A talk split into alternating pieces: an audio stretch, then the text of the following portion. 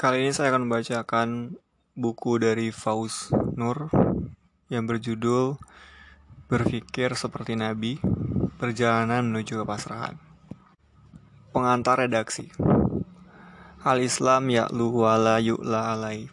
Islam senantiasa unggul dan ia tidak akan terungguli.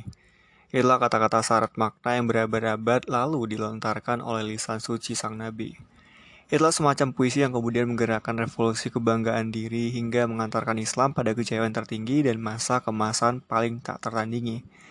Akan tetapi, di lain sisi kata-kata itu pula yang kemudian menindak-bobokan umat Islam dalam buayan janji-janji.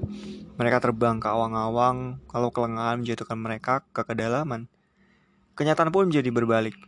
Islam jadi yuk lah alai, tak pernah lagi ya lu ayal, generasi muslim dewasa ini hanya melihat kata-kata itu tiada lain sebatas jargon yang jauh panggang dari api.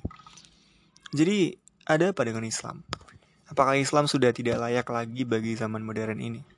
Jika ia layak, tentu Islam akan mengungguli yang lainnya. Akan tapi tidak.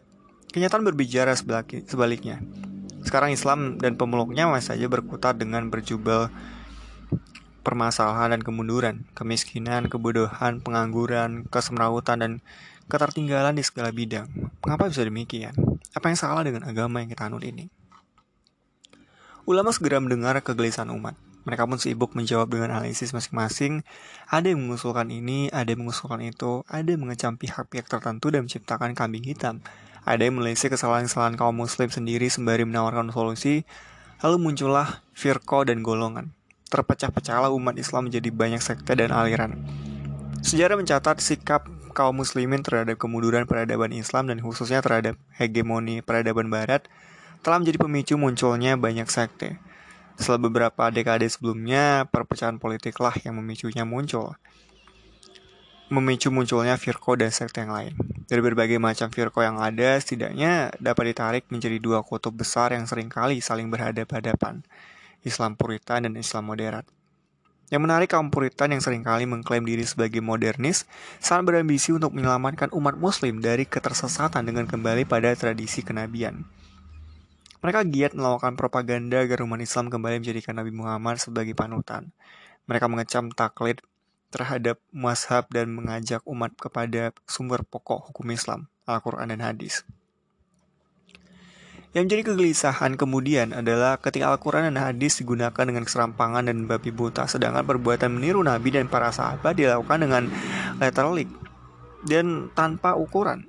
Tak heran jika mereka lebih senang memanjangkan jenggot daripada meliti sikap kesakrian dan akhlak Nabi, atau sikap toleran dan penghormatan Nabi kepada orang yang berbeda pendapat maupun keyakinan. Dan kalaupun usaha-usaha yang lebih serius tersebut dilakukan, kerap kali Sekali lagi, mereka terjebak dalam kongkongan teks-teks rights yang mati.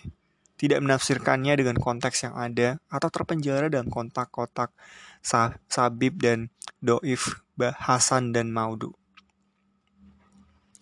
Sementara itu di antara kalangan muslim moderat terdapat kecenderungan lain yang tak kalah menggelisahkan. Ya ini munculnya pemikiran-pemikiran bebas yang kadang-kadang terkesan asal-asalan hanya mencari sensasi asal berbeda dengan status quo atau terkesan tanpa dasar pengetahuan yang kuat.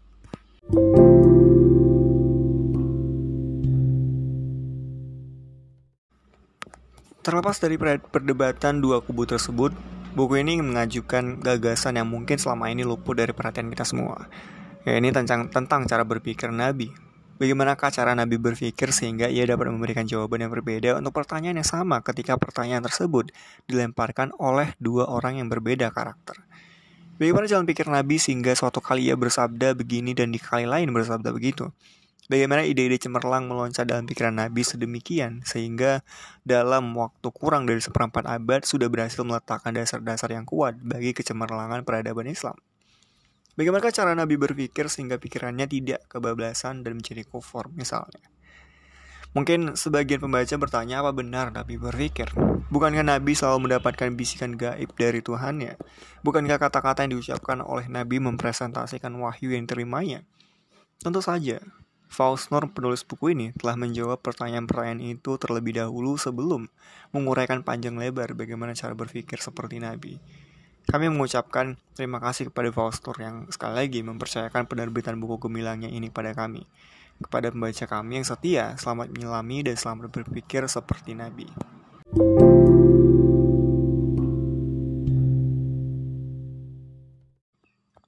Pilahir Anusnalir Assalamualaikum warahmatullahi wabarakatuh Atas nama Tuhan yang Maha Kuasa dan Maha Sayang Segala puji baginya pencipta segenap alam raya. Salam sejahtera semoga selalu terlimpah kepada insan mulia Muhammad SAW, kepada keluarganya, para sahabat, serta semua pengikutnya sampai akhir masa. The History of God demikian judul buku bagus karya Karen Armstrong. Dua, dua tahun setelah buku Armstrong ini terbit pula juga Jack Miles ya dengan judul yang lebih provokatif, God A Biography. Membaca dua judul buku ini sepintas selalu kita menangkap sesuatu yang kurang ajar. Hati kita lantas bertanya-tanya, apakah Tuhan terkena sejarah? Apakah Tuhan pernah lahir, tumbuh dewasa dan kemudian mati? Apakah Tuhan pernah tiada, kemudian berkiprah sebagaimana lazimnya sejarah seorang tokoh dunia? Setelah berkiprah, apakah Tuhan nantinya wafat seperti lazimnya tokoh sejarah? Barangkali pertanyaan-pertanyaan di atas itulah yang menyebabkan seseorang kiai berujar gerak. Setelah bereformasi, buku-buku yang beredar di Indonesia sudah kebablasan. Dewasa ini suatu buku bahkan berjudul Sejarah Tuhan. Apa yang tidak gila? Demikian kalau boleh saya ringkas kegeraman Kiai Ita dalam satu ceramah yang tidak sengaja saya dengar. Fenomena ini bisa jadi disebabkan benak kita dipenuhi oleh tumpukan teori atau kaidah yang kita telan bulat-bulat tanpa kita kunyah terlebih dahulu. Teorinya, Tuhan tidak terkenai sejarah. Akan tetapi sebagus apa pun sebuah teori bikinan manusia, ia selalu memiliki celah untuk diotak-atik. Misalnya ketika seseorang berkata Tuhan tidak terkenai sejarah, kita bisa berujar Tuhan yang mana? Sejarah yang mana? Tuhan siapa? Sejarah yang seperti apa? Sejarah ternyata mencatat. Ada manusia yang menuhankan manusia. Kalau demikian, jelas Tuhannya bisa mati, bisa terkenai sejarah, bukan? Dengan berpikir liar seperti itu, semangat keilmuan kita menjadi terusik, dan keimanan kita pun akan bertambah dewasa. Ketika saya melihat buku Armstrong tersebut di jajaran buku bekas, hati saya langsung tertarik. Ingin sekali saya membaca buku itu setidaknya karena dua alasan. Pertama karena beberapa buku yang telah saya baca mengutip isi buku itu. Kedua karena saya ingin tahu apa sebenarnya maksud Armstrong dalam buku ini. Ternyata dan ternyata, buku itu hanya ingin memaparkan bagaimana watak manusia dalam hubungannya dengan Tuhan.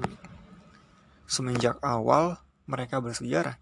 Jadi sejarah Tuhan yang dimaksud adalah sejarah manusia dalam bertuhan Bukan Tuhan yang menjadi pembahasan, namun manusia lah yang menjadi titik tekan pembicaraan tersebut. Karena semenjak dahulu sampai detik ini, manusia masih menjadikan Tuhan sebagai bahan pembicaraan yang menarik dan akan selalu demikian sepanjang masa. Buku seperti Nabi ini, buku berpikir seperti Nabi ini pun tidak dimaksudkan agar kita bisa menjadi nabi. Tidak, bukan seperti itu cara berpikirnya. Buku ini adalah usaha semaksimal mungkin meneladani bagaimana Rasulullah berpikir. Barangkali terselip sebuah pertanyaan apakah bisa? Loh, adakah yang tak mungkin di dunia ini? Berpikir seperti Nabi akan berusaha menangkap bagaimana sunnah Nabi dalam berpikir. Untuk kemudian kita teladani dengan sekuat tenaga. Sebab dengan itulah kita bisa meraih kebahagiaan dunia dan semoga juga akhirat. Nabi adalah teladan kita. Kita kita sering kali mendengar seorang mubalik berkata, Apabila Anda seorang politikus, tirulah kepemimpinan Nabi Muhammad. Apabila Anda seorang pedagang, teladanilah bagaimana Nabi Muhammad berdagang.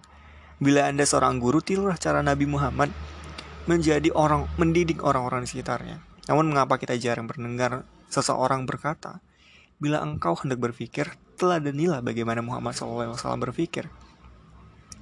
Padahal dalam Al-Quran, begitu banyak perintah untuk berpikir, bahkan Nabi sendiri pernah bersabda bahwa berpikir dalam kurung tafakur, sesaat lebih baik ketimbang ibadah selama satu tahun. Buku ini dimulai dengan kupasan terhadap isyarat Nabi Muhammad tentang berpikir. Kemudian pada pembahasan selanjutnya, saya mencoba mencari argumen rasional, antropologis, al-aqliyah, al-insaniyah dalam menjawab pertanyaan-pertanyaan. Kenapa kita bisa percaya? Kenapa kita harus percaya? Kenapa kita mesti percaya kepada para nabi? Mengapa kita mesti percaya bahwa para nabi dan akan menuntun kita ke rumah kebahagiaan? Bukankah untuk meraih kebahagiaan sejati cukup akal prima dan hati nurani sebagai pembimbing kita? Bukankah kenabian itu licik? Mengapa bukan kakekku, ayahku, atau aku sendiri yang menjadi nabi? Oh kenapa nasi misi kenabian ditutup seiring dengan diutusnya Nabi Muhammad? Bukankah ditutupnya pintu kenabian tersebut memberi kesan seolah-olah Tuhan sudah malas mengurus umat manusia? Sederet pertanyaan itu akan menjadi pembahasan utama pada bab 2, 3, dan 4. Dan sekarang, karena setiap nabi tidak lepas dari apa yang disebut mukjizat, maka sebelum melangkah pada pembahasan pokok, saya berusaha melakukan pembahasan tentang mukjizat. Pada bab ini, saya mencoba melakukan semacam dekonstruksi terhadap mukjizat. Mungkin sebagian pembaca merasa bahwa pertanyaan-pertanyaan tersebut menyinggung permasalahan keimanan yang sangat mendasar, atau bahkan tergolong perkara yang membahayakan. Dalam hal ini, saya sepakat dengan Immanuel Kant yang dengan lantang berkata, Faith start when reason stop. Ungkapan Kant ini mengingatkan kita pada kenyataan bahwa untuk meraih iman, diperlukan pengorbanan yang tak sedikit. Bahkan harus mengorbankan hakikat dasar manusia yang tiada lain adalah akal. Keimanan datang ketika akal berhenti. Semua benak waras tentu sepakat dengan perkataan Kan ini. Hanya saja, masalahnya adalah bagaimana bisa dikatakan mengerti sedangkan kita belum berpikir. Nah, buku ini ingin mengajak pembaca memikirkan kembali dasar-dasar keimanan yang kita pegangi agar tak terjadi pemahaman yang gampang menyerah. Mungkin moto yang pantas saya pakai dalam buku ini adalah bagaimana bisa dikatakan paham perkataan kan Fate star when reason stop, sedangkan kita belum bertanya dan belum mencari. Apakah pantas kita mengaku beragama sedangkan kita lupa ketangguhan iman dalam benak kita? Meminjam syair Iwan Fals di album Orang Gila, tepatnya di lagu Awang-Awang, Bagaimana bisa dikatakan diam sedang kita belum melangkah? Bagaimana bisa dikatakan mengerti sedangkan kita belum berpikir? Barangkali perkataan saya ini adalah ini terlalu muluk, namun tak ada salahnya bermuluk-muluk jika kita terusik untuk sejenak bertanya. Mengingat masalah-masalah yang diangkat dalam buku ini mendasar sekali, Diperlukan kepelikan tersendiri untuk membahasnya secara rasional. Sebagai orang yang sadar akan pentingnya iman, saya juga sempat dihinggapi ketakutan yang cukup kuat. Karena bagaimanapun, dibutuhkan modal ilmu yang tidak secuil untuk membahas permasalahan-permasalahan tersebut. Saya pun pontang panting mencari referensi, baik meminjam atau membeli. Semula, buku ini tak lebih dari 150 halaman. Akan tapi banyaknya buku megah hasil pinjaman memaksa saya memperkaya pembahasan itu. Oleh karena itu, saya ingin mengucapkan terima kasih yang sebesar-besarnya kepada mereka yang telah memberi atau meminjamkan buku untuk terpenuhnya sedikit modal dan semakin menambah kekayaan referensi. Indra Nugraha, Jajang Gailani, Jajang Khairuman, Erik Andreas Pongoh, Muhajir Salam, Ustadz, Ustadz Wawan, Haji Anang, kayak Haji Undang Nasihin, kayak Haji Aib Saipullah, dan pribadi-pribadi lainnya. Untuk sementara, rumahku yang belum punya dapur menjadi sejenis laboratorium tafsir yang dipenuhi kitab. Tak lupa untuk santri pesantren Pauzan yang sering membereskan rumah dan merapikan kitab-kitab membuat mata saya sering sarwek karena acak-acakan mirip pabrik buku. Atas segala dukungan dan bantuannya, kalian sangat pantas untuk melahap semua buku-buku ini. Duh, benar kata Jalaluddin Rahmat dalam pengantar buku psikologi agama. Penulis menulis buku ilmiah itu tidak mudah dan tidak menguntungkan. Tidak mudah karena kita harus punya banyak waktu dan duit. Di samping perlu sedikit kecerdasan intelektual dan verbal, tidak menguntungkannya itu karena menguras waktu dan duit. Di samping mendatangkan sejumlah tekanan emosional dan fisikal. Tentang waktu, saya ucapkan banyak terima kasih kepada dia yang telah membiarkan dan mendukung seorang bujangan menyelesaikan dahulu buku ini. Hatur nuhun pisan. Tentang duit, ah, sekalipun membobol saku dan sering membuat ibuku marah karena terkawar boga duit, hilang sirna dipakai meli buku. Insya Allah saya menikmati pengalaman yang sungguh membahagiakan ini. Kala suara tahrim Pak Um, Pak Umum, seorang jamaah masjid di kampungku berkumandang memberitahu umat bahwa sholat subuh sebentar lagi tiba bagi orang yang baru bangun dari bagai orang yang baru bangun dari tidur. Seketika saya bergumam sendiri dalam hati, barangkali inilah yang dimaksud kenikmatan spiritual yang dikatakan Pak Quraisy dalam penutup buku tafsirnya. Thank you God, thank you. Tanpa bermaksud sombong bahwa buku ini adalah buku ilmiah, buku Buku berpikir seperti Nabi perjalanan menuju kepasrahan ini juga saya maksudkan untuk menjawab beberapa surat yang datang dari pembaca dua buku saya sebelumnya yang meminta saya agar menuangkan percikan pemikiran dalam satu buku ilmiah biar terlihat berwibawa ujar salah seorang dari mereka. Sejujurnya, saya tak paham benar pengertian ilmiah yang mereka maksud. Saya hanya berharap semoga buku ini bisa menyenangkan benak dan hati pembaca yang budiman. Di sini saya juga ingin memohon maaf karena sebagian surat belum saya jawab atau barangkali tak akan saya jawab. Kepada guru saya Kiai Haji Li Abdul Basid Wahab, saya mengaturkan takzim dan terima kasih tiada tara ujaran-ujarannya, nasihat-nasihat ilmu-ilmunya menjadi inspirasi yang saya kembangkan dan simpan pada buku sederhana ini. Kepada kedua orang tua saya Kiai Haji Ijat Nur Zaman dan Haji Hajah Ade Trisna, segenap cinta tertumpah bagi mereka. Sekalipun tinggal di kampung halaman membuat saya kesulitan untuk menyepi, sehingga begitu sukar menyelesaikan buku ini ketimbang dua buku sebelumnya. Kasih sayang mereka menyadarkan bahwa menyadarkan saya bahwa rumah adalah tempat kembali dan tanggung jawabmu ada di sini, sehingga jangan pergi. Khusus, khusus untuk orang baru, baik keluarga besar kami, anak dari adikku, Ulwan Hauzunur, senyumanmu di pagi hari, usir penatku kala malam hari. Kemarin pada tanggal 12 Juni 2007 genap usianya satu tahun.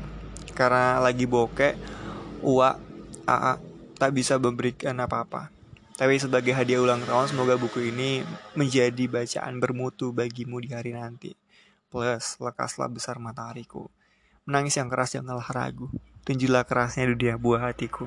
Doa kami, di nadimu. Demikian uap pinjam sair sang legendaris. Ketika buku ini ditulis, kita kehilangan dua ulama kekasihnya guru. Kakak